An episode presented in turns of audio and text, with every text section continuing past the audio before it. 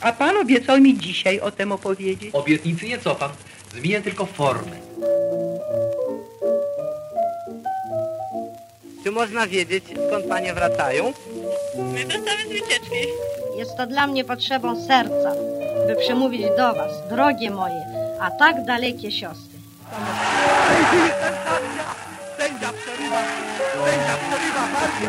Olbrzymie tłumy zalegające plac Napoleona wiwatują na cześć marszałka. Rezolucja! że świat nie zgodził się, by siła rządziła nad prawem.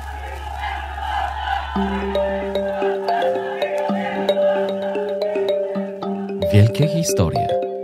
Podcasty.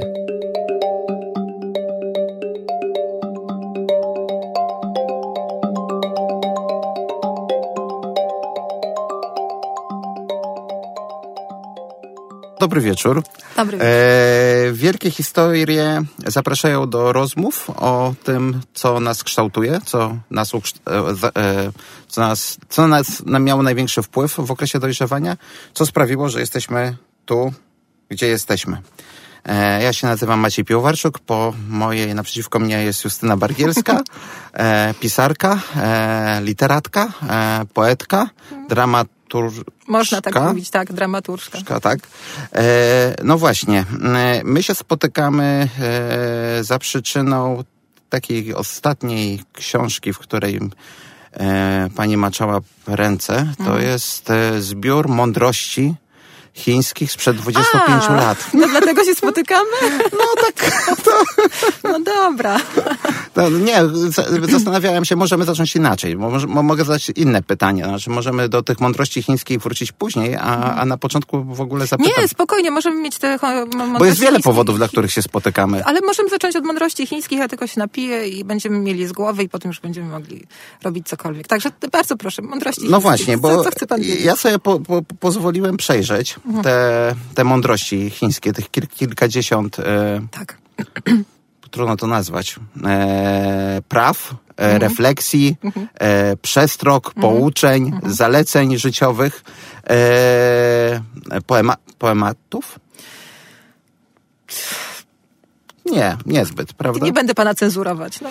E, więc właśnie, na ile one są aktualne? Dlaczego, dlaczego sięga się po coś, co zostało spisane 2,5 tysiąca lat temu? E, czy tam jest rzeczywiście zawarta jakaś prawda życia? Mm, To jest bardzo takie pytanie dobre, bo ta prawda życia, która tam się, tam się okazała z- zawierać, ona, ona najbardziej, z tego co widzę po czytelnikach, ona najbardziej dotyka i najbardziej pasuje takim osobom, które, e, które jakiś czas temu zachłysnęły się na przykład y, teorią mindfulness i takim byciem tu i teraz i, i, i takim życiem w teraźniejszości. I rzeczywiście co i raz na Facebooku pojawiają się posty, w których zostają oznaczona ja i zostaje oznaczony Jerzy Jarniewicz i że to jest takie właśnie na czasie i takie właśnie bardzo tu i teraz i, i w tym mindfulnessie osadzone i no i do ludzi to trafia w jakiś sposób, tak?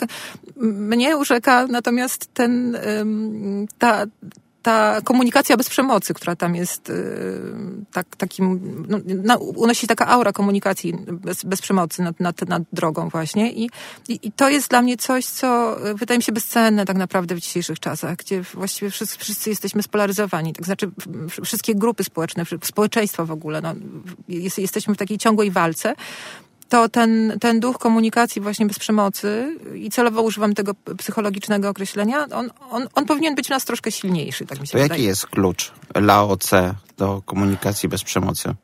No, żeby się komunikować bez przemocy.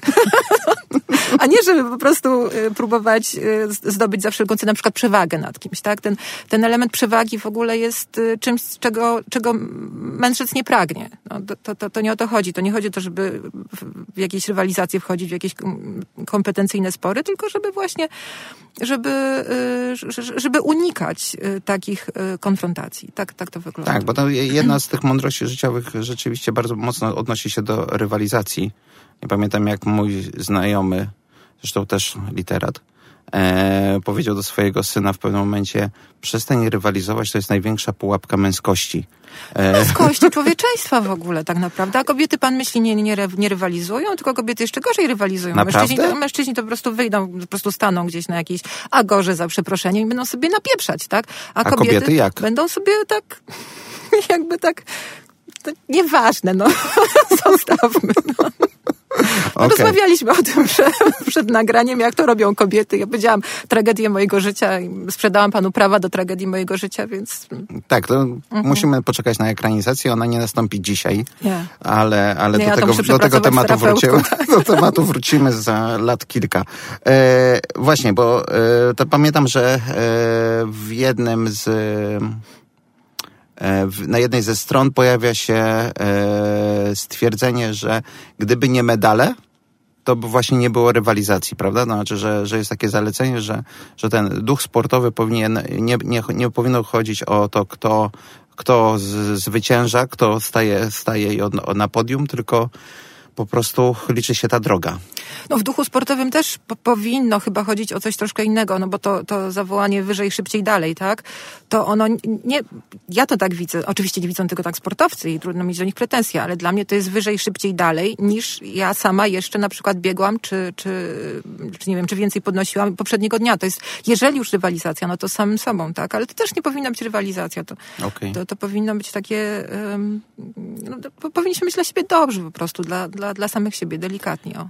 Pamiętam, że w, jakoś w latach 80. były takie popularne e, pocztówki z, z na przykład e, zdjęciem zachodu słońca i był jakiś cytat z Biblii albo, albo jakiś taki religijny, Ja który mam mówił, cały że... kalendarz taki. Ale i naprawdę, i on jest bardzo fajny. Dostałam taki kalendarz od y, czytelniczki, o.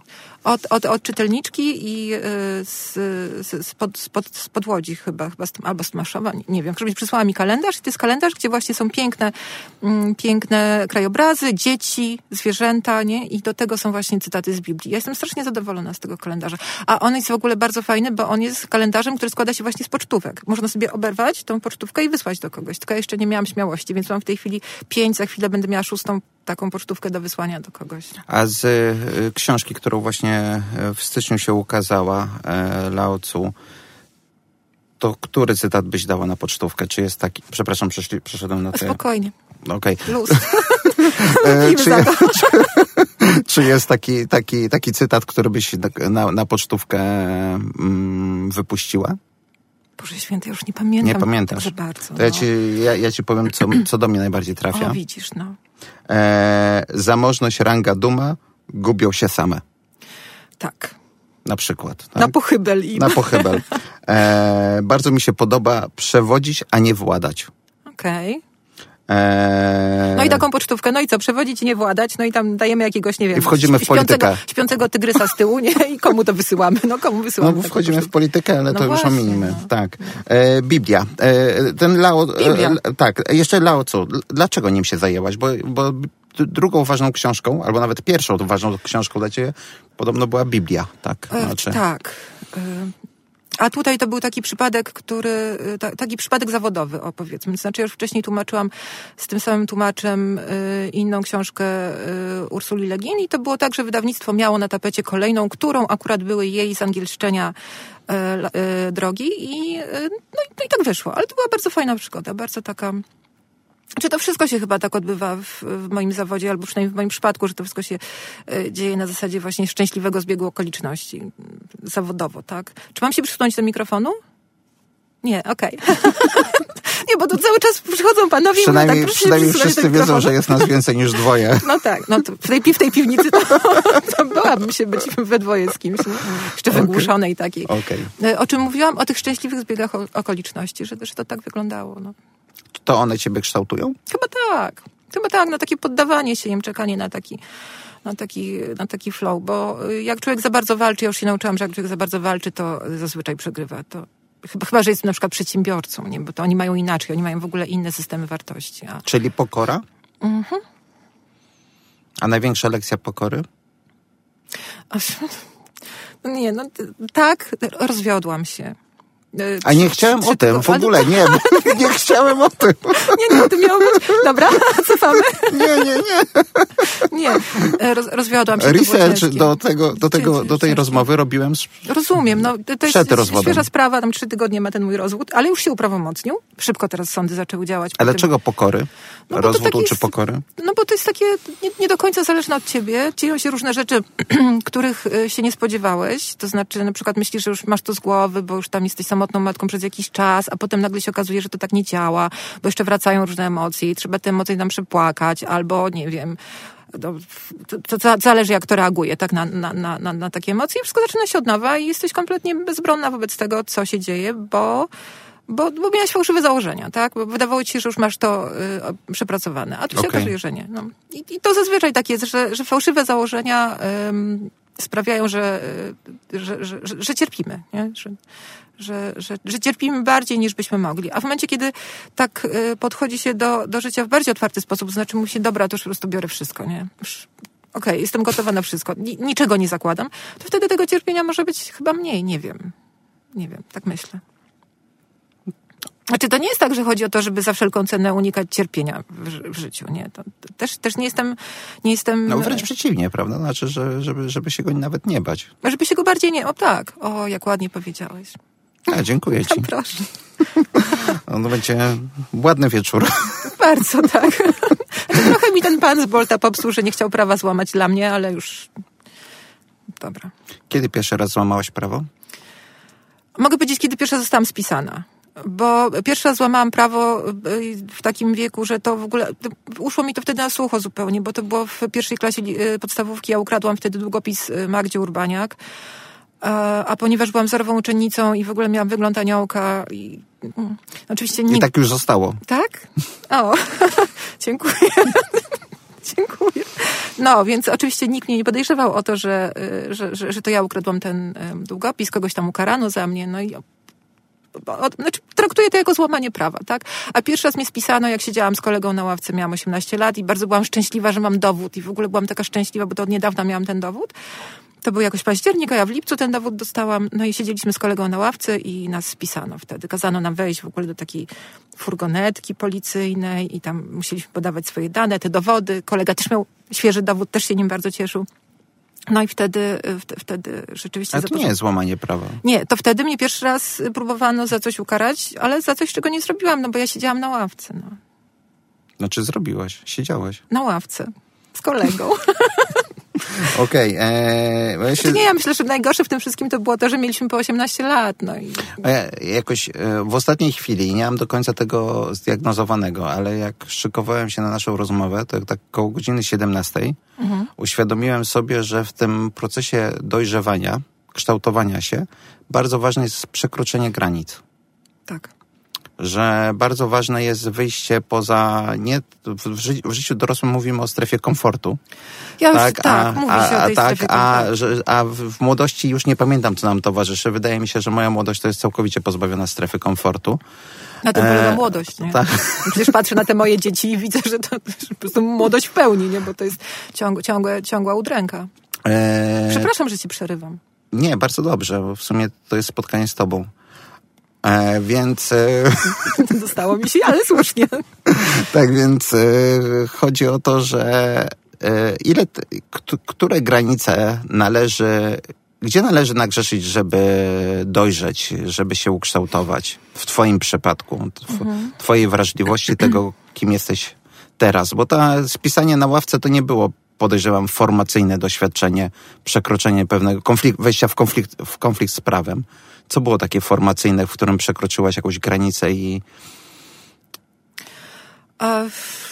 to, to nie wiem ile miałam, 18 lat, może, może 17, 17 bardziej 17 myślę, tak, to, to, jeszcze, to jeszcze nie byłam dorosłą osobą. Um, I to wtedy płaciło się rachunki na poczcie. To były takie czasy, że jeszcze się płaciło rachunki na poczcie. Zresztą niektórzy do tej pory płacą rachunki na poczcie, tak, ale, ale wtedy to była jedyna metoda, żeby zapłacić, zapłacić rachunki i yy, moim obowiązkiem było płacenie rachunków y, za mieszkanie mojej babci. Ja te pieniądze zdefraudowałam. Jakąś niesamowitą w ogóle wtedy kwotę, bo ja udawałam, że ja płacę te rachunki, ale... tam- że jesteś aniołkiem. no nie, ja byłam aniołkiem, tylko akurat chwilowo upadłem, tak? No ale to anioł to anioł, tak?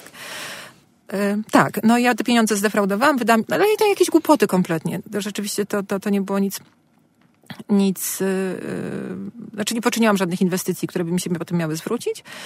Yy, I już na pewnym etapie ja się czułam tak strasznie źle z tą tajemnicą, że, że jestem taką złą osobą i tak po prostu już się modliłam o to, żeby to wyszło na jaw, żeby to wyszło na jaw. I jak to wyszło na jaw, jak moja mama się dowiedziała, to ja poczułam taką ulgę i takie, mm, no wiadomo, no to jest znany proces, tak, że jak już, jak już ludzie się dowiadują o twojej zbrodni, to, to, to, to się czujesz z tym znacznie lepiej i, i, i, albo jak się zgłosisz na policję i tak dalej, to się czujesz z tym, no jakoś tam znacznie lepiej. Ale to była połowa tego, te, te, tej, tej formatywności tego doświadczenia, bo drugą połową było to, że moja mama mi po prostu przebaczyła. Ją bardziej interesowało, nie, nie było afery, nie było awantury, nie, nie było, um, nie, nie wiem, jakiegoś, jakiejś kary tak naprawdę nie było już. Ja już byłam prawie dorosłą osobą, tak? No jak tu karać taką prawie dorosłą osobę? Tylko była próba zrozumienia dlaczego.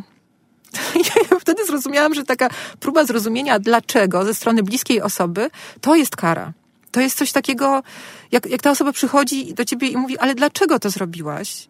I ty musisz wejść w siebie, zastanawiać się nad swoimi motywacjami, zastanawiać się, gdzie, gdzie się pierwszy raz potknęłaś, czy, czy, czy, czy mogłaś przestać defraudować te pieniądze po pierwszym niezapłaconym czynszu na przykład, tak? I kiedy zaczynasz analizować całą sytuację, to, to jest, y, no to jest ta kara, która ma wymiar taki resocjalizacyjny, powiedziałabym. No i to, to no wtedy tak, to, to zapamiętałam to doświadczenie na długo.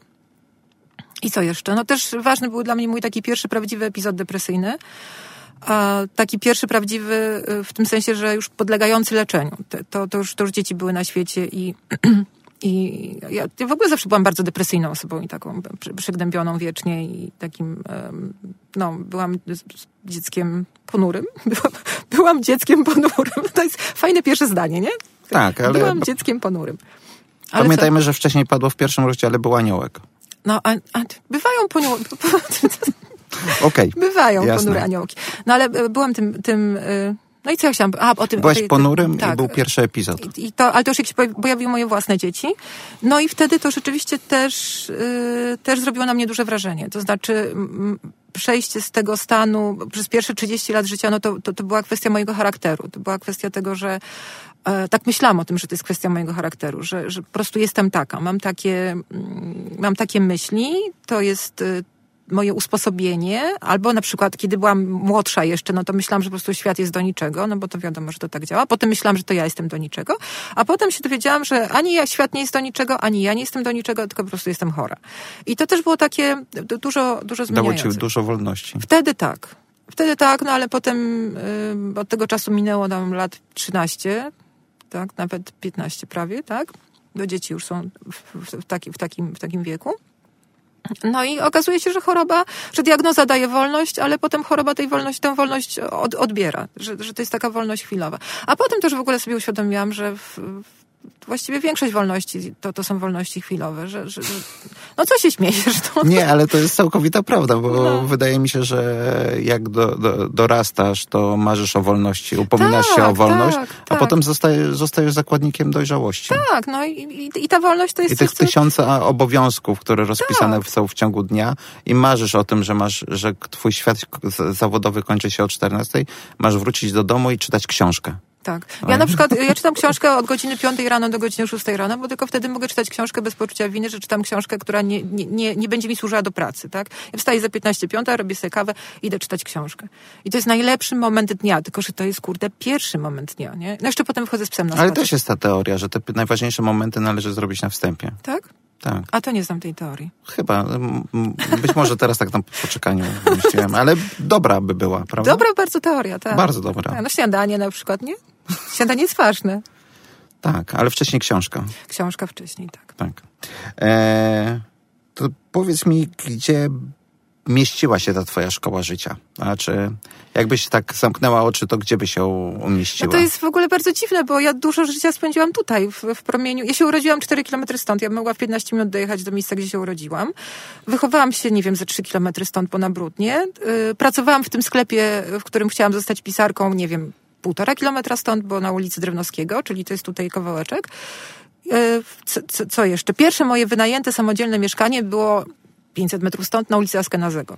Nie? To są takie bloki, takie bardzo okrągłe, takie, takie no, wzruszające jest to, to, to, jak to wygląda. Taki amfiteatr Mówimy bloków. o północnej części Pragi tak. warszawskiej. Mówimy, znaczy mówimy o Brudnie, ale też o Zaciszu, tak? A obecnie nazywa się to Targówkiem, bo za, za moich czasów to, to inaczej się te dzielnice nazywały. Także, także to wszystko tutaj. No troszkę jeszcze chodziłam do szkoły muzycznej na Namysłowską, ale to nadal jest Praga, Praga Północ. Czyli tam miałam tę, tę taką Pragę Północ, taką tę... Ym, z tym większym folklorem, powiedziałabym, tak? No. Ale ja wtedy miałam 11 lat, co, co mi mógł zrobić folklor? No to przecież 11, no i 15 jak kończyłam szkołę muzyczną, więc właściwie to ten folklor, folklor mnie tylko cieszył i, i, i to, to, to wszystko, wszystko jest tutaj, wszystko jest tutaj w okolicy. No tak, ale ta szkoła to właśnie to jest ta mała ojczyzna, o której mówisz, czy gdzie dojrzewasz? No? Mhm. Czy, czy dojrzewasz e, w tym, no jakby my, my, my stawiamy pytanie, znaczy ja szukam odpowiedzi na pytanie, co mnie kształtuje, e, bo w tej szkole ono się bierze z moich doświadczeń jako ojca. Mhm. E, z tego, że pierw e, z żoną postanowiliśmy postawić na edukację syna do tego stopnia, że przeprowadziliśmy się, żeby chodził do pewnej szkoły mhm. podstawowej, i wyobraź sobie, że po dwóch latach go zabraliśmy stamtąd i oddaliśmy go do szkoły po prostu rejonowej i tak mhm. dalej, i tak dalej. Bo zauważyliśmy, że to wszystko jest jakąś utopią. Tak jak na zasadzie, że pragniemy tej wolności, a ona jest nam dana tylko chwilowo, no tak. że jednak jest pewna, pewna doza rzeczy, które należy zrobić i pójść na kompromisy z rzeczywistością, tak? No, znaczy, tak. e, i, i, I tyle. Więc, więc ja się zastanawiam, czy, gdzie tkwi te doświadczenie, gdzie się znajduje to doświadczenie, które ciebie kształtuje, które daje ci do, do, um, siłę, tak? Moja żona psycholog, mhm. ja cytuję innych psychologów, którzy uważają, że 40% to są geny, 60% to jest środowisko, Pytanie, ile te środowisko na co się rozkłada? Na ile na szkołę, ile na podwórko, ile na rodzinę, ile na rówieśników i tak dalej, i tak dalej, tak? To znaczy mhm. u, u, każdego to jest różnie. Jak, jak, i co było dla ciebie takie doświadczenie, które cię kształtowało? Czy właśnie byłaś tym aniołkiem, który trochę był z boku ze swoją wrażliwością? Ja Czy... byłam, przede wszystkim byłam bardzo zła w chodzeniu do szkoły. Mm, chodzenie do szkoły, począwszy od, nie wiem, ósmej klasy y, podstawówki, przez całe liceum i potem na studiach bardzo źle mi wychodziło. To znaczy ja po prostu nie chodziłam do szkoły. Jakoś tak, zawsze mnie tak jakoś tak znosiło, nie? I ja wychodziłam do szkoły. To nie jest tak, że ja nie, nie chciałam do niej pójść. Ja rzeczywiście wychodziłam do szkoły, yy, wsiadałam do tramwaju i potem na przykład wysiadałam na pętli zamiast wysiąść we właściwym miejscu. Albo, także z tym miałam duży problem, natomiast y, to, y, to przez chwilę myślałam, że może to chodziło o to, że mi nie pasowali ludzie, którzy byli w szkole. Znaczy, przepraszam, że tak powiem, ale moi koledzy i y, moi nauczyciele. I wo, woźne. I pan z ochrony. Ale potem sobie uświadomiłam, że to nie, że to zupełnie nie o to chodziło. Po prostu szkoła jest miejscem, w którym się strasznie łatwo przebodźcować. Ja to widzę po moim synu, który chodzi do państwowej podstawówki na Tarchominie, podstawówki, która była wybudowana na 800 dzieci, a chodzi 1300 do niej. I mój syn po prostu, dla niego ta nauka zdalna to, to był raj na ziemi. Jak on poszedł teraz do szkoły, żeby tam przebywać w, w, budynku dla odmiany, to on wraca chory. I to nie w tym sensie chory, że wraca chory, mówi, mamo, czuję się źle, tylko ja mu mierzę gorączkę i on ma po prostu wyższą temperaturę dużo niż jak rano do tej szkoły wychodził. I po prostu szkoła nie jest dla niektórych osób z definicji. Niektóre osoby w szkole czują się chore. Ja, ja należałam do tych osób, bo, bo tam był hałas, bo tam było dużo innych ludzi, bo tam były dzwonki, bo tam y, trzeba było siedzieć przez całą lekcję na przykład w miejscu. Siedzieć przez całą lekcję w miejscu. No i tak, także szkoła, szkoła nie była y, dla mnie um, jakimś, nie wiem, no, no po prostu za rzadko w niej bywałam, żeby mnie, żeby mnie czegoś y, nauczyła w sensie życiowym. Natomiast do, dobrą szkołą była szkoła muzyczna, no ale wiadomo, szkoły artystyczne mają zupełnie inny, inny rodzaj um, no, podejścia do... Na czym grałaś? Na wiolonczeli. Wtedy na wiolonczeli. Ja zawsze wydawało mi się, że w szkole muzycznej wręcz, że nie ma tej przestrzeni na, na wrażliwość e, ucznia, że to jest tak, e, że ten proces edukacji muzycznej jest tak na cech, na, wiesz, y, zinstytucjonalizowany, Aha. sformalizowany, Aha. że nie ma tej przestrzeni na wrażliwość. A ty mówisz w ogóle o innym doświadczeniu. Może być tak, że na późniejszych etapach, kiedy już się włącza to taka właśnie rywalizacja i taka, taka, Podium. taka walka Widać o to. podium. Tak, widać podium, kiedy każdy chce być wirtuozem, a nikt nie chce grać w orkiestrze, to może wtedy to wygląda zupełnie inaczej. Natomiast ja skończyłam swoją edukację muzyczną na, w połowie drugiej klasy szkoły średniej. Z różnych powodów. Mogę o nich powiedzieć, ale to potem. Natomiast y, szkoła pierwszego stopnia, no to był raj na ziemi. I ja do tej pory, no, dla mnie to była oaza, znaczy oaza, no, no taki mm, no, miejsce, gdzie de facto wszystko pielęgnowało moją wraż- wrażliwość, no bo tam było cicho, tam tych dzieci było mniej, tam tam, były, tam, tam cały czas były lekcje, y, z, z, z pomieszczeń dobie- dobiegały instrumenty, tak, znaczy dźwięki instrumentów. Ja do tej pory pamiętam, jak ja spędzałam naprawdę długie, to- to się sumowało w długie godziny, na, na końcu korytarza pod salą 21, gdzie siedzieliśmy, y, sala 21 to była nasza sala od wiolonczeli, gdzie siedzieliśmy w przerwach, we wszystkich przerwach pomiędzy zajęciami. Właśnie budowaliśmy swoją wrażliwość, rozmawialiśmy o tym, co, co, co się działo w szkole, ale rozmawialiśmy, przyjaźniliśmy się też, tak? W takiej, w takiej Łączyła was pasja? tak, na pewno. Ale bardziej łączyło nas to, że, że byliśmy, ym, no, no nie wiem, no, tam w tym miejscu, w tych okolicznościach, i w, ponieważ ta szkoła była po naszych prawdziwych szkołach, tak? To się odbywało wszystko popołudniami, wieczorami. No my tam byliśmy takimi y, sz- szczęśliwymi dziećmi. O.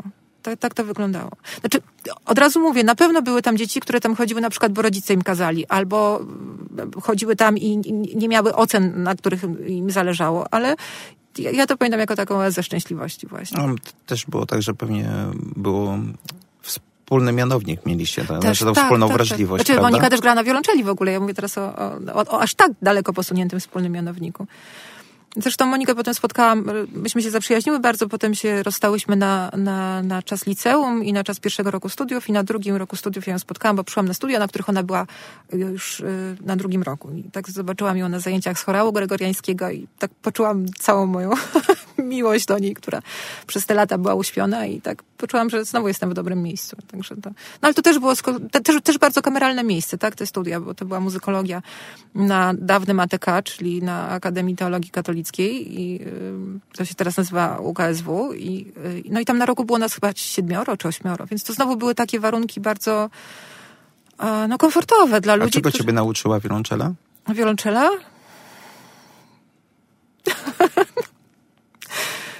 um, że y, walka z materią Dobry wstęp. nie.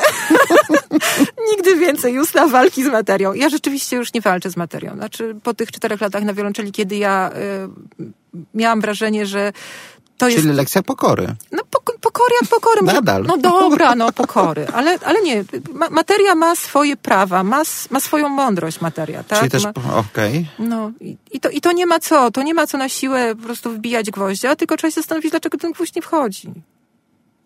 Może go trzeba wbić odrobinę dalej na przykład. Chociaż ostatnio zawalczyłam.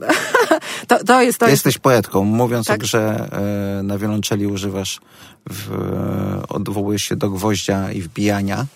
Tak, to jest dowód na to, że jesteś poetką. Tak, naprawdę? Tak.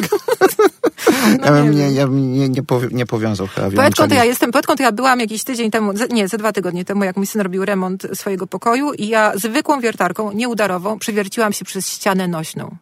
Bo ja nie wiedziałam, że nie można się zwykłą wiertarką przewiercić przez ścianę nośną. Nie wiedziałam. Dopiero potem ktoś mi powiedział, że tak się nie robi po prostu. I że Ten sąsiad, u którego... Mm, nie, nie, to ja się z pokoju, z pokoju syna do pokoju córki. A potem mi powiedziano, że takie rzeczy robi się wiertarką udarową i na drugi raz może mi przynieść ktoś tam tą wiertarkę udarową, ale żebym na Boga nie robiła tego zwykłą wiertarką z Lidla, e, marki Parkside, tak? Bo to jest, bo to po prostu... A ja to zrobiłam. E, Wracam do tej materii, e, Tak, no to też bo trochę rozproszyłem, e, ro, trochę rozproszyłem e, twoją myśl, a chciałbym ją e, dokonkretyzować.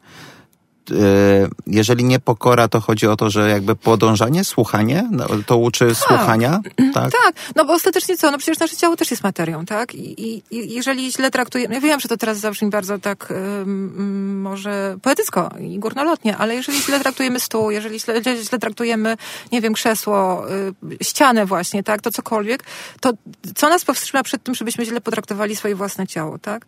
No nic nas nie powstrzyma. No, no, na pewno nieświadomość, że nasze ciało jest świątynią ducha, tak? No bo to, bo, bo to już nikogo nie powstrzymuje przed niczym. No niewielu w każdym razie. Także no, szacunek dla materii i takie, no nie wiem, współżycie z nią to jest chyba dobry pomysł w ogóle na, na, na życie. O, tak to widzę.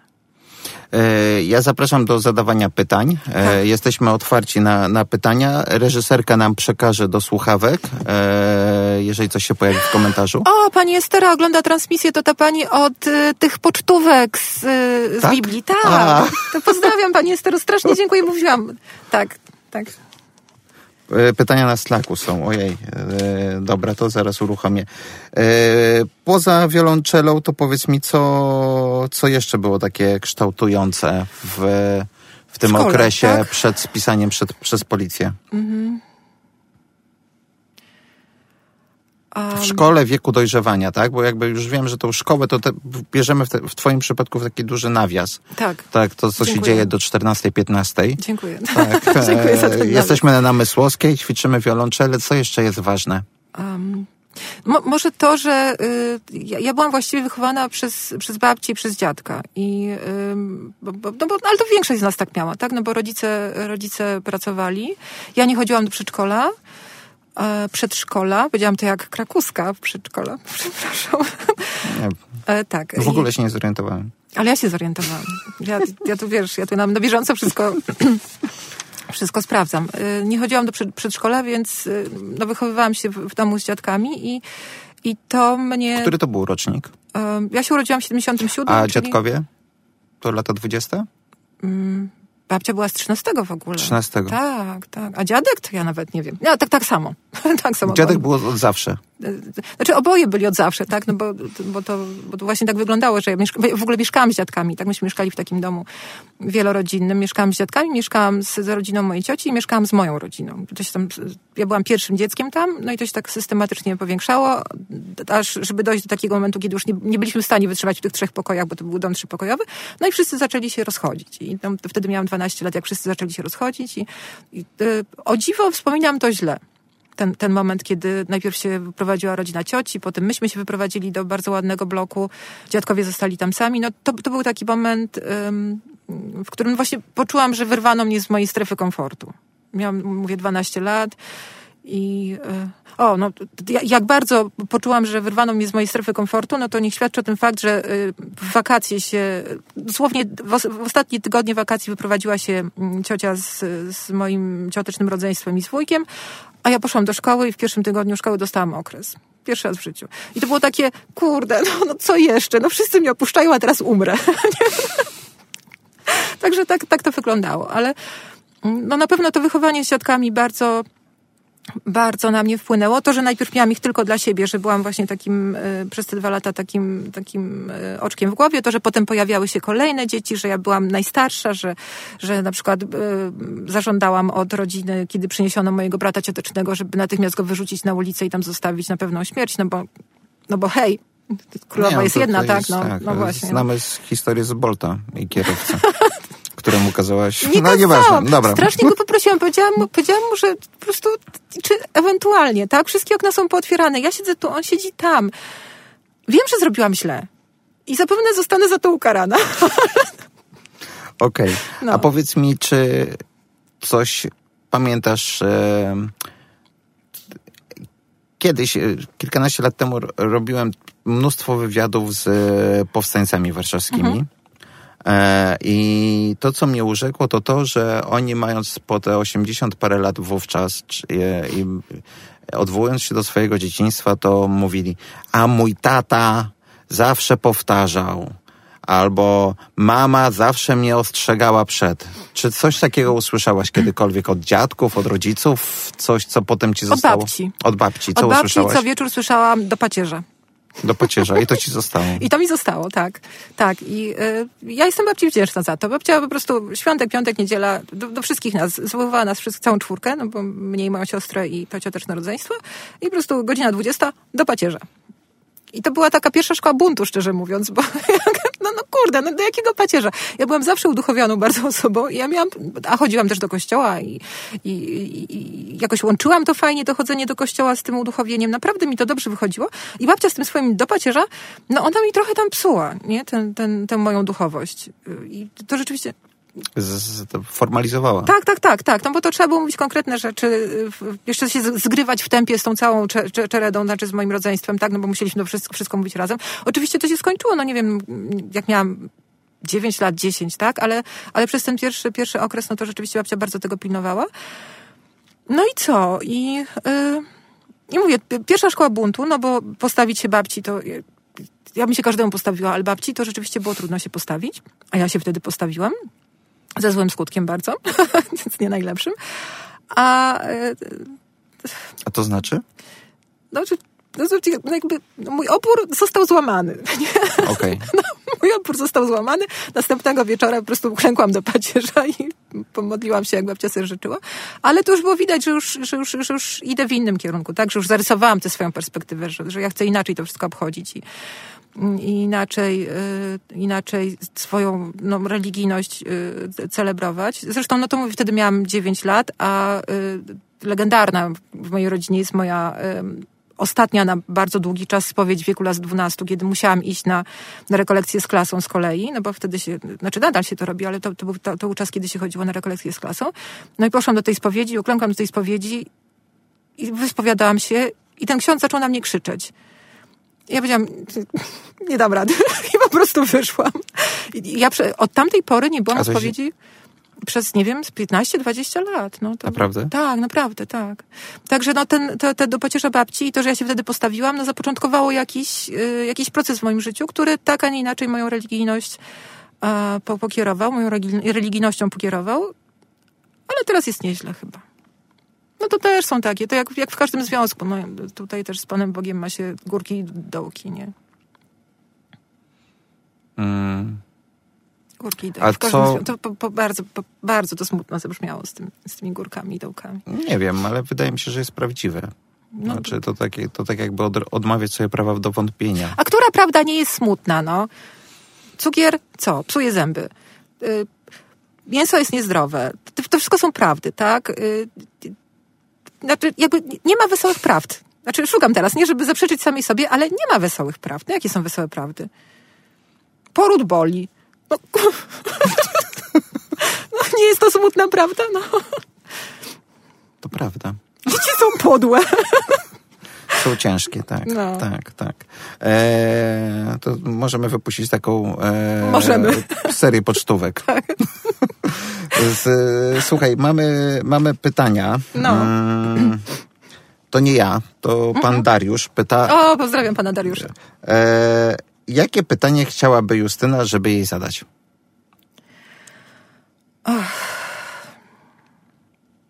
No to możemy o tym Bolcie porozmawiać, tak? To zadaj mi o tego Bolta i ja na przykład opowiem, co mną kierowało, żeby się wytłumaczyć, nie? Okej. Chciałabym zostać zapytana o Bolta dzisiejszego, o moją dzisiejszą E, podróż jak, Boltem. jak, jak wyglądała twoja podróż na nasze spotkanie? Więc tak, zaczęło się od tego, że zdenerwowałam się bardzo, bo wszystkie Bolty były zajęte. Prawdziwa taksówka kosztuje majątek i w ogóle strasznie dziwnie jedzie. Justyna, tam. każdy twój wywiad zaczyna się od opowieści o tym, jak dotarłaś na ten wywiad? Tak, bo ja mam duży... A, bo ja jeszcze tego nie powiedziałam, że w ogóle cud, że ja tu dzisiaj jestem. Bo ja ostatnio to w ogóle wszystko odwołuję. Bo ja mam duży problem z dotarciem, tak? Bo ja, jak jadę komunikacją miejską, to się zaczęłam zaburzać jakiś czas temu w komunikacji miejskiej i teraz mi się w związku z różnymi traumatycznymi doświadczeniami, rozwód, zdrada ze strony najbliższej przyjaciółki i tak dalej. No w związku z tymi... y, Z tymi To już y, sezon drugi. to już sezon drugi, tak. Ale nadal masz prawa, jeżeli tylko będziesz chciał, to masz prawa do tego, do tego scenariusza. No więc y, zaczęłam się rzeczywiście jakoś tak mocniej zaburzać w komunikacji miejskiej, więc jestem skazana na y, Bolta, no bo na Ubera mnie nie stać też, nie?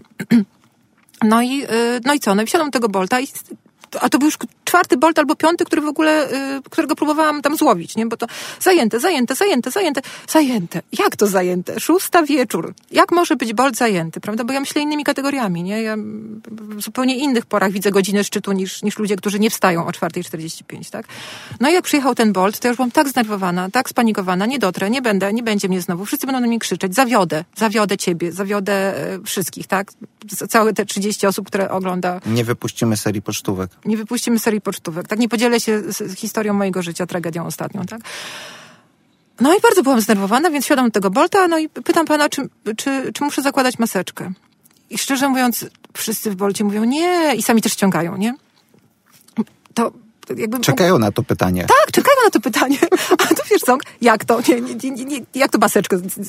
Trzeba zakładać maseczkę. No, żyjemy w takim kraju, są takie rozporządzenia, prawda? Koronawirus jest cały czas w powietrzu, pandemia nie, nie, nie, ustała. To, to, to jakby te wszystkie komunikaty przeszły od tego pana do mnie, no, niewerbalnie, bo on chyba nie werbalizował po polsku w ogóle. Natomiast no, z taką dużą, dużą, dużą, dużą taką negatywną siłą to do mnie dotarło. No ja założyłam tę maseczkę, ale od razu zaczęłam się dusić, więc musiałam walczyć z okienkiem. Okienko było jeszcze na korbkę w ogóle. No to więc jak okienko było na korbkę, to ja myślałam, o Boże, ten biedny pan jeździ samochodem, w którym okienko jest na korbkę, a ja chciałam zdjąć maseczkę w jego... Jak złą osobą jestem, że chciałam zdjąć maseczkę w samochodzie człowieka, który jeździ samochodem, który ma okienko na korbkę. Dlaczego jesteś złą? Bo on ma źle. A, On ma ciężko, a ja weszłam do tego Bolta po prostu z tym swoim problemem pierwszego świata, czy mogę zdjąć maseczkę, bo będę miała atak paniki, nie? I od razu w ogóle tak, no poczułam się... Y, już chciałam go przepraszać w ogóle, ale wiedziałam, że i tak niewiele by z tego zrozumiał, tak? Bo, bo była bariera językowa między nami. No i co, no jakoś tu dojechałam, ale, ale no, no było, to by było to przeżycie, tak? Takie, y, no znowu się dowiedziałam czegoś o sobie, tak? Ty- Tym razem może niekoniecznie dobrego. Nie wiem, jak będę wracać w ogóle, szczerze mówiąc stąd. Ja żałuję, że ja rowerem nie przyjechałam, tylko tak. Dziękuję za pytanie o Bolta, panie Dariuszu. jakich pytań pani nie lubi? Jaką książkę przeczytałam ostatnio? A i to jest czwarte pytanie, to zaraz do niego dojdę. To w takim razie, żeby przyspieszyć trzecie. E, kiedy następny tomik? Em, nie wiem. To, ale tomik w sensie wierszy? Tak. Mam, mam coś w planach i mam coś popisane, ale pierwszy raz w życiu piszę tomik wierszy z założeniem. To znaczy z założeniem na, na całość książki. Bo zazwyczaj to pisałam tak, że po prostu łap, chciałam być brzydkie słowo użyć, ale nie użyłam na szczęście. Łapało mnie e, natchnienie, siadałam, pisałam, był wiersz. I potem jakoś z tego składałam książkę, tak, poetycką. Myślę, że to jest dość taka znana metoda i, i powszechna. Natomiast tym razem wymyśliłam sobie, żeby zrobić, e, żeby, przyjąć założenie na temat swojej książki, no i pracuję nad tym i może się uda, może nie. Ale no już, już, już to jest w toku, już to jest w toku. Dlaczego nie lubię tych pytań o książki? Bo tak... A mogę je zadać? Tak. Ostatnio Nie. przeczytałam... ym, Nie, to jest... E, które z ostatnich debiutów poetyckich, powiedzmy, że z ostatnich trzech lat, uważa pani za najciekawsze? Na, za najciekawszy debiut uważam e, debiut poetycki Emilii Konwerskiej z e, Olsztyna, który wyszedł teraz niedawno, 112 i e, polecam wszystkim. A dlaczego nie lubisz pytań o książki? Bo ja y, z, z, trzy, trzy powody co najmniej będę w stanie wymienić, dlaczego nie lubię pytań o książki. Pierwsze, bo ja, ja, ja czytam dużo. Po drugie, bo ja nie pamiętam autorów. Przepraszam. Zwłaszcza zagranicznych. Nie, nie jest to dla mnie bardzo ważne, autor zagranicznej książki. Po trzecie, bo ja praktycznie nie czytam beletrystyki, poezji, t- takich rzeczy. Ja czytam albo, albo książki... No, ostatnio czytałam... ym, Ostatnio czytałam o genetycznej wyższości kobiet, taką książkę izraelskiego y, lekarza, o tym, że kobiety są bardziej odporne, że bardziej, y, że, że, że, no, no, że jakby siłą rzeczy no, muszą być bardziej odporne, no bo, no bo natura wymaga od nich troszkę więcej niż od mężczyzn. To to czytałam, ale jak on się nazywał? Na imię miał Sharon. To zapamiętałam, bo wydawało mi się, że to jest żeńskie imię. Ale uznałam, że może w Izraelu to jest inaczej. E, I jeszcze czytałam e, taką książkę czerwoną, grubą, e, sz- Szalone, złe i smutne, kobiety i psychiatrzy. Też mi się bardzo podobała, ale jak miała na nazwisko autorka, pamiętam tylko, że autorka. teraz zadam takie... A, jeszcze, ale to, to się, to się nie liczy. Czytałam to, bo to wczoraj czytałam, nie? Bo to wczoraj czytałam, e, bo leżało mojej córki. Ja bardzo lubię te książki, które mają na sobie naklejkę, że Netflix zrobił serial o nich. Że powstaje serial, nie odwrotnie, że powstaje serial i potem powstaje książka. tak, tak. tak no, jest najlepsze. Wynajmij sobie chłopaka. Ale kto to napisał? Też nie mam pojęcia. No takim chłopaku, który ma takie ambicje, y, powiedzmy... A to już nie książka o genetyce. Nie. Nie. To jest bardziej o takich konstruktach społecznych, nie bym powiedziała. Znaczy, zaczyna się jako kons- konstruktach społecznych, ale pewnie skończy się jako romans normalnie, taki nastoletni, więc... Ale czy ja będę ją dalej czytać, to nie wiem. To zależy, czy trafię na nią. Czy jest taki autor, który mocno na tobie odcisnął swoje piętno? No i co teraz będzie, jak ja powiem, że Dostojewski? Nic, powiem okej. No to Dostojewski. Ale to tylko dlatego, że go przeczytałam w, no, we wczesnej młodości, tak. To, To znaczy? no w, pomiędzy 11 a 16 rokiem życia. I dlaczego? Co cię tam... Znaczy to było tak, ja chodziłam do biblioteki na ulicy Balkonowej, biblioteki publicznej, Balkonowa na Brudnie. To była moja biblioteka taka macierzysta. I tam była biblioteka po jednej stronie dla dzieci i młodzieży i na tym samym piętrze po drugiej stronie dla, dla dorosłych. I biblioteka e, dla dzieci i młodzieży miała poziomy. Poziom pierwszy, drugi, trzeci, czwarty, piąty, szósty. Tak? To jakoś tak szło, że szósty to był dla klas ósmych i tam wcześniej... No ja to wszystko przeczytałam. Po prostu przeczytałam. I pani z, y, no właściwie w jakimś takim wieku, tak, tam 11-12 lat. I naprawdę to przeczytałam, bo ja czytałam po prostu jak popizgana, jak nienormalna, nie? No i właśnie te panie, które tam mieszkały na tym jednym piętrze, z- zagadały. Moja mama musiała też wtedy przyjść, tak? Musiała mama przyjść, no bo tam trzeba było podpisać jakieś y, inne dokumenty. Czy ja mogę korzystać y, z tej biblioteki po drugiej stronie? No i wtedy było inaczej. Wtedy mogłam korzystać z tej biblioteki po drugiej stronie. No, wiadomo, że to jakoś mama tam firmowała y, so, sobą, swo, swoją, swoją, ym, swoim autorytetem brudnowskim, no ale mogłam z tego korzystać. I ten Dostojewski to był tak, że mama miała zbrodnię i karę, taką podniszczoną. Ja przeczytałam zbrodnię i karę mamy, a całą resztę przeczytałam, no bo spodobało mi się. Fajny, fajny, fajny, fajny temat, nie? Ta zbrodnia i. Ja, zawsze te tematy, w których ktoś robi coś bardzo, bardzo złego, a potem przez całą książkę się z tym mierzy? się z tym mierzę. To ja, ja to uwielbiałam zawsze, tak? Bo to, to jest mój charakter, tak? Zrobić coś bardzo złego i potem przez, przez całą książkę się z tym mierzyć. No więc potem tego Dostojewskiego czytałam już z tej drugiej biblioteki i y, no i tak, tak. Myślę, że tak. Mm, Okej. Czy są jakieś lekcje, które powinnaś od, powinno się odrobić, kiedy się dojrzewa, a jak ich nie odrobisz, kiedy dojrzewasz, to potem płacisz dużą cenę, kiedy jesteś dorosły? A do kiedy jest to dojrzewanie? Bo to jakby muszę spytać o widełki. No to zapytam cię, kiedy zdałaś egzamin dojrzewania. Nie w sensie maturalnym. Aha. No nie, przyjmijmy tak ustawowo, no, że dojrzewanie to jest, kończy się na momencie studiów. Na momencie studiów. tak, ja, na momencie jakby skończenia, ja, ja, osobi- ja, studiów, tak, tak, Skończenia tak. Ja osobiście uważam, że, że, że dojrzałem dwa lata temu, Mhm. a jestem 78 rocznik, więc, yy, ale to nie jest. To ja już mam tylko rok. Nie, jak ja to Nie, policzyłam? to nie wiem, ale, Nie wiem, jak to policzyłam. Um, ale generalnie zabrzmiało tak, jakbyś jeszcze nie zdała tego egzaminu dojrzewania. Może inną formę temu nadajmy, tak? Gdy, gdybym na przykład miała sobie teraz, znaczy ja teraz powiedzieć sobie wtedy, co by było dobrze, żebym zrobiła mając te lat y, 12, 14, 18 Zdobyła i tak jakąś umiejętność, tak? O coś Nawet zadbała. nie, no to coś zadbała, albo coś przeżyła, tak? Tak. To, y, to tak, to przede wszystkim na pewno bym y, wysyłała siebie jednak mimo wszystko bardziej do ludzi. Wie, wiem, że to brzmi mm, dość trywialnie, ale po prostu kazałabym się sobie wyszaleć. W takim towarzyskim sensie, żeby, żeby poznać jak najwięcej ludzi, nie pielęgnować tej swojej po prostu potrzeby do siedzenia w jaskini, którą wtedy miałam potężną, zresztą teraz też mam dość dużą, ale, ale w, w, w tamtym wieku poznać jak najwięcej ludzi, zrobić z nimi jak najwięcej tych rzeczy, które się robi w młodości, głupich rzeczy, i, a nie tylko się tam da, dać spisać y, na ławce. Za siedzenie na ławce. No, za siedzenie na ławce. Proszę no. cię. Także to, no, ale no właśnie o tym mówię, tak, żeby jak już, jak już mnie spisywali, to żeby za coś mnie spisali, tak, za coś, za coś spektakularnego. To na pewno to. A druga rzecz. Ach, no nie wiem, no może bym, na przykład ta spowiedź, nie, tak, kiedy miałam 12 lat na rekolekcjach. No może bym powiedziała sobie tej dwunastoletniej, żeby, żeby jakoś zagadać do tego księdza, nie? Nie to, że tam po prostu walnąć, znaczy trzasnąć drzwiami, no to nie był taki konfesjonał z drzwiami, to był inny. Nie tak rzucić to i wyjść, tylko po prostu, no nie wiem, no spróbować nawiązać z nim jakąś nić po- porozumienia, powiedzieć, że ja widzę to inaczej. Y, że- że- Żeby, żeby, żeby korzystać z takich okazji. Próbować wejść w dialog, tak? Próbować wejść w dialog, bo y, i to teraz wiem o tym, bo ja pracuję dużo z młodzieżą i, i dużo pracuję z dziećmi i ja wiem, że ym, to, co się słyszy z ust dorosłych, traktujemy często jako truizmy, ale kiedy to samo usłyszymy z ust dziecka albo osoby młodej, to, to, ma zupełnie inną siłę. Zupełnie, inaczej to działa. Nawet się mówi, jakie mądre dziecko.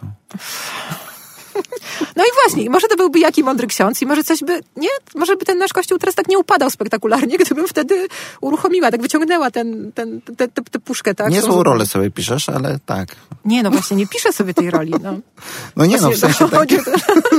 A efekt motyla, słyszałeś o efekcie motyla? Tak. No to ja bym była tym motylem, nie? tym motylem nad tym księdzem, który by tam wtedy... Nie, no dobra, wiem, no okej. Okej. E, Ale tak, ale kupuję. Kupuję No, to tak. wyszalenie się. Tak, tak. tak. Bardzo. No w, w ogóle wchodzenie w kontakty z ludźmi, kiedy jest się młodym, bo to wtedy zupełnie inaczej wygląda. No nie ma się tego bagażu. Nie A przekraczanie granic? E, Inicjacje i tak dalej, i tak dalej? Mm. Czy to jest potrzebne w okresie dojrzewania? Się... A jakie przekraczanie granic, na przykład których, że co? No jakby wiesz, e, o, o różne rzeczy chodzi, tak? Jakby e, są, mogę podać na swoim przykładzie kilka rzeczy, to na pewno używki. Aha. E, na pewno takie w, w, w, przekraczanie granic też w takim sensie fizycznym, czyli na przykład marsz przez całą noc, no nie? Kiedy Aha. jesteś harcerzem. E, te wszystkie próby, które zdobywasz, kiedy jesteś harcerzem. E, przekraczanie granic też w sensie jakimś takim romantycznym. E, Zakochiwanie się od pierwszego wejrzenia. Na przykład. No więc y, to nie, bo te, to przekraczanie granic może być, wydaje mi się, charakterystyczne dla y, wielu innych też późniejszych y, Momentów. momentów, tak. No. Marsz przez całą noc. Ja myślę, że jeszcze jakieś 15 lat będę w stanie maszerować przez całą noc, nie? Liczę na to. No ja na to liczę głównie, tak? Że, że, to, że, to, że to nie jest tak, Okej. że ja już się osuwam w ogóle w jakąś starość. Także, także niekoniecznie, nie. No z tymi używkami ja jestem zwolenniczką tego podejścia, że jak y, dziecko, nie wiem, 16-17-letnie chce się napić wina, to niech zacznie pić z matką. Albo z ojcem, tak? To, to tak. Natomiast ja jeszcze sama pewnych granic nie przekroczyłam. Na przykład nie próbowałam twardych narkotyków. Już raczej nie spróbuję, bo się boję twardych narkotyków, bo próbowałam marihuany, ale to było najgorsze doświadczenie w moim życiu. A Ja też yy, później jakoś sobie tak pomyślałem, że yy, tak naprawdę przekraczanie granic jest trochę przereklamowane, tak jak, t, t, tak jak pokazał ten lockdown. To znaczy, że nagle okazuje się, że w zeszłym roku wszyscy byli zachwyceni Tak. tym, jak można spędzić Tak, wakacje w tak, Polsce. Tak. E, I tak sobie myślę, że w tym sensie dojrzewania też to przekraczanie, że, że możesz być świadomy siebie, nie przekraczając wszystkich e, granic, no nie? No, Tak. Znaczy, I tutaj bym to połączył z tą wiolonczelą, czyli jakby z umiejętnością słuchania. Tak? Znaczy, że, że tą świadomość możesz nabyć nie poprzez to, że porównasz się, gdzie jest bariera, albo zobaczysz, jak wygląda świat po drugiej stronie. Tak? To nie każdy ma szczęście bycia, bycia Alicją. Tak? E, a, a, a po prostu poprzez kontakt, e, kontakt i słuchanie, czy tą interakcję, o której ty mówisz, społeczną, tak? To my, Tak, też, to my też pracujemy w Fundacji na co dzień z młodzieżą. I też jakby te, te pytanie o szkołę to jest od, od, to też się bierze stąd, że jak robiliśmy takie badania jesienią w zeszłego roku, po co jest szkoła? To nauczyciele i uczniowie nam powiedzieli w badaniach takich pogłębionych wywiadach, że ona uczy interakcji społecznej. A, czyli na przykład jedna dziewczyna powiedziała, że dla niej najważniejszą nauką, którą wynosi z liceum, to jest umiejętność zawierania kompromisów. No, i to jest bardzo mądre, no. Tak, tak, oczywiście, że tak, tak. Znaczy, gdybym wiedziała wtedy, że właśnie w szkole mogę się nauczyć zawierać kompromisy, to może bym troszkę więcej czasu w niej spędzała, ale ja tego tak nie postrzegałam. To, to była walka po prostu o, wolność znowuż. A, no, a może nawet o przeżycie. Wyobrażałam sobie, że walczę o przeżycie, tak żeby nie, nie, nie, nie zostać tam zdeptaną, nie wiem, zakrzyczaną i ta, tak to widziałam. E, Anna Spólna O, się do ciebie odzywa. Mm, y, to czego słuchasz ostatnio? Ale muzyki? Tak, tak. Muzyki. Um, Kiedyś pani, pani Spólnej sprzedałaś Billy Joela. To teraz co jej sprzedasz? znaczy, I zapadła cisza, to... Y, sięgamy po Spotify'a. Po Spotify'a, oczywiście, no bo, bo co, bo to jest chaos Ostatnio kompletny. słuchane. Ostatnio słuchane, tak, ale to żeby, żeby nie być gołosłowną przecież, tak? To zaraz, zaraz to tutaj jest Manam, ale to nie jest. Nie, to jest ostatnio słuchany utwór u mnie, to jest y, Justin Timberlake i utwór Can't Stop the Feeling. To myślę, że bardzo wy, wyczerpująca odpowiedź. To jest ostatnio słuchany u mnie utwór, natomiast jest tak, jest y, smutna playlista z lat 90., to zawsze, zawsze mogę tego słuchać. Y, Jest lista bieganie, to jest, to mogę się podzielić na, na życzenie. Potem są, y, jest smutna playlista lata 60., lata 70., smutna playlista. Jest Johnny Mitchell też oczywiście. Jest Macy Gray, nie wiem dlaczego. Y, Przepraszam za Macy Gray. I oczywiście jest Sinead O'Connor, tak, też. Em, no, ale y, następne, co mi Spotify chciał zaproponować, to jest na szczęście Reinhard Gebel. I muzyka Antikwa Köln, także nie jest tak źle, pani Anno, chyba, nie? Zdane, zdane, zdane. Okej, e, robimy ten konkurs. E, kiedyś, nie wiem, czy nadal prowadzisz zajęcia z pisania? Zdarza Tak, ci się? tak, mi się. Czy możesz e, zdradzić na koniec jakąś poradę, od czego zacząć mierzenie się z tematem szkoła życia?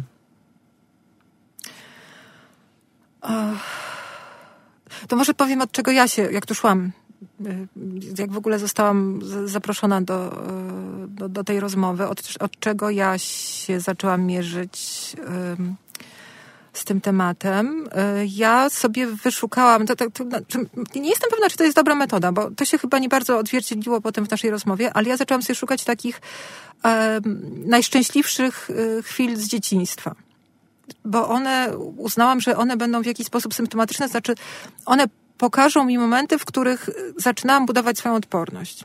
Bo ja wychodzę z założenia, że y, no, no wiadomo, że, że, że, że walka z przeciwnościami losu, no jasne, hartuje, ale wydaje mi się, że większy potencjał budowania odporności y, mają właśnie te dobre momenty, tak? Ma, ma, ma, ma mm, niekoniecznie właśnie walka na ringu, bardziej, nie wiem, przytulanie się, czy seks na przykład. To, to jest coś, co sprawia, że budujemy w sobie lepszego rodzaju odporność niż odporność na ciosy.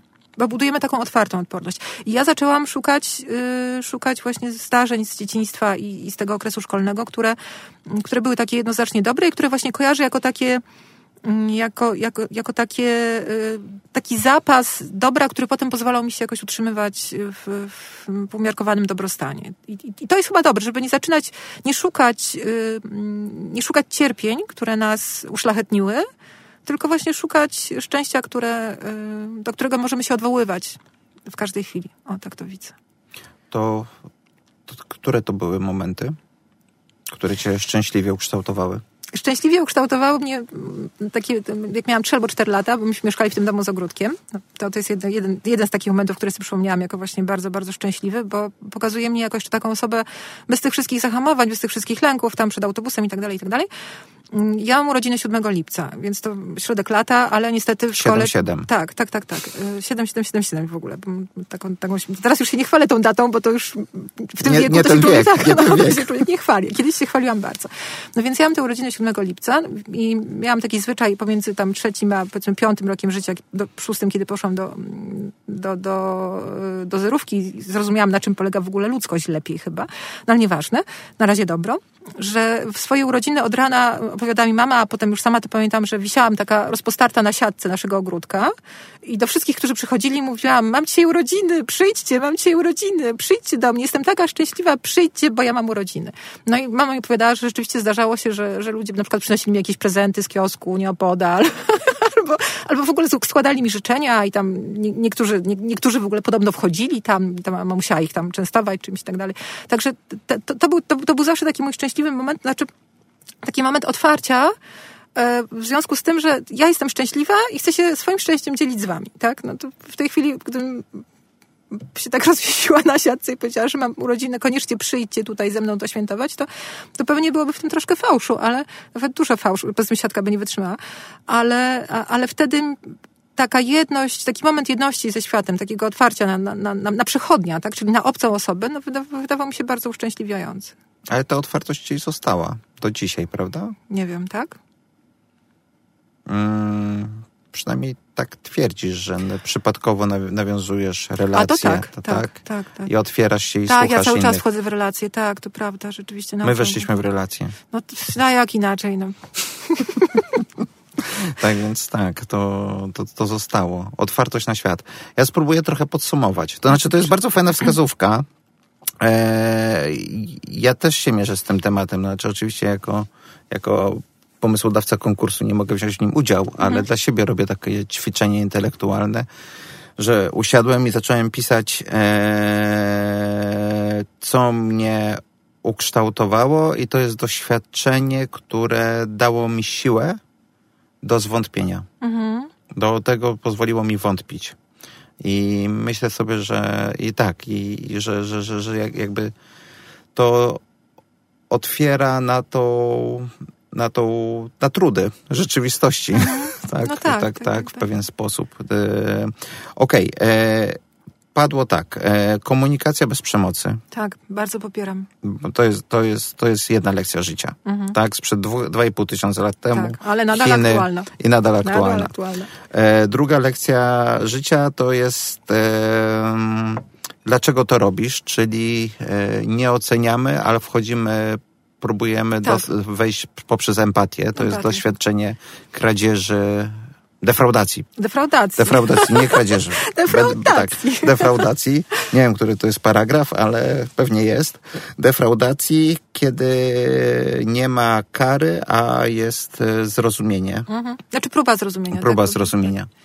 E, kolejna rzecz e, to trochę z tą policją, e, trochę o tym, co rozmawialiśmy o narkotykach i tak dalej, że przekraczanie granic może być przereklamowane, Tak. tak? E, później bardzo wiolonczela, czyli że e, podążajmy za dźwiękiem, nauczmy się słuchać, tak? Nie walczmy z materią. Tak? Nie Bo walczmy z walczymy materią. ze sobą. Jak, jak. Walczmy z sobą. Okej. Eee, Do pacierza. Tak, to jest też ważna lekcja. Do pacierza. Jeżeli ktoś e, nas e, czujemy dyskomfort, bo nas nie rozumie, bo nas e, czujemy, że nas odrzuca, to jednak wejdźmy z nim w dialog.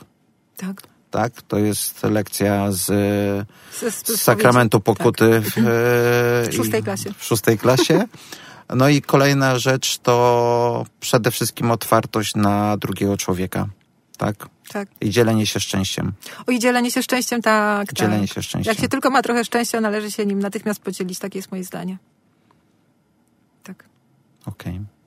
Wow, to bardzo, bardzo dziękuję. Dużo Tak. tego. dużo, dużo zeszytów. Przepraszam. E, Okej, e, Justyna, bardzo, bardzo dziękuję. E, to chyba tyle. Okej, ja też dziękuję. Bardzo dziękuję. Wysłuchali Państwo rozmowy w ramach Szkoły Życia, podcastu realizowanego przez Fundację na Rzecz Wielkich Historii. Serdecznie zapraszamy po więcej na szkołażycia.org.pl. Zachęcam do subskrypcji i recenzowania podcastu Szkoła Życia na Spotify oraz Apple Podcast. Czekam na Państwa opinie i komentarze. Jestem również bardzo ciekaw Państwa historii ze Szkoły Życia. Piszcie na adres maciej.wielkiehistorie.pl Za dwa tygodnie z pisarzem Mikołajem Grynbergiem porozmawiamy o granicach, których nie zawsze warto przekraczać, o przemocy, narkotykach, ale przede wszystkim o sile, którą daje rodzina. Do usłyszenia. Maciej Piłowarczuk. A pan obiecał mi dzisiaj o tym opowiedzieć. Obietnicy nie cofam. Zmienię tylko formę. Czy można wiedzieć, skąd panie wracają? My wracamy z wycieczki. Jest to dla mnie potrzebą serca, by przemówić do was, drogie moje, a tak dalekie siostry.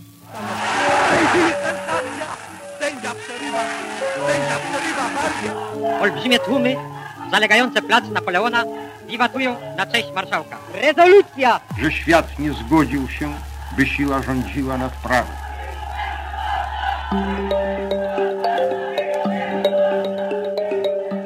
Dziękujemy za wysłuchanie podcastu Fundacji na Rzecz Wielkich Historii. Zapraszamy po więcej na www.wielkiehistorie.pl. Realizacja podcastu Free Range Productions.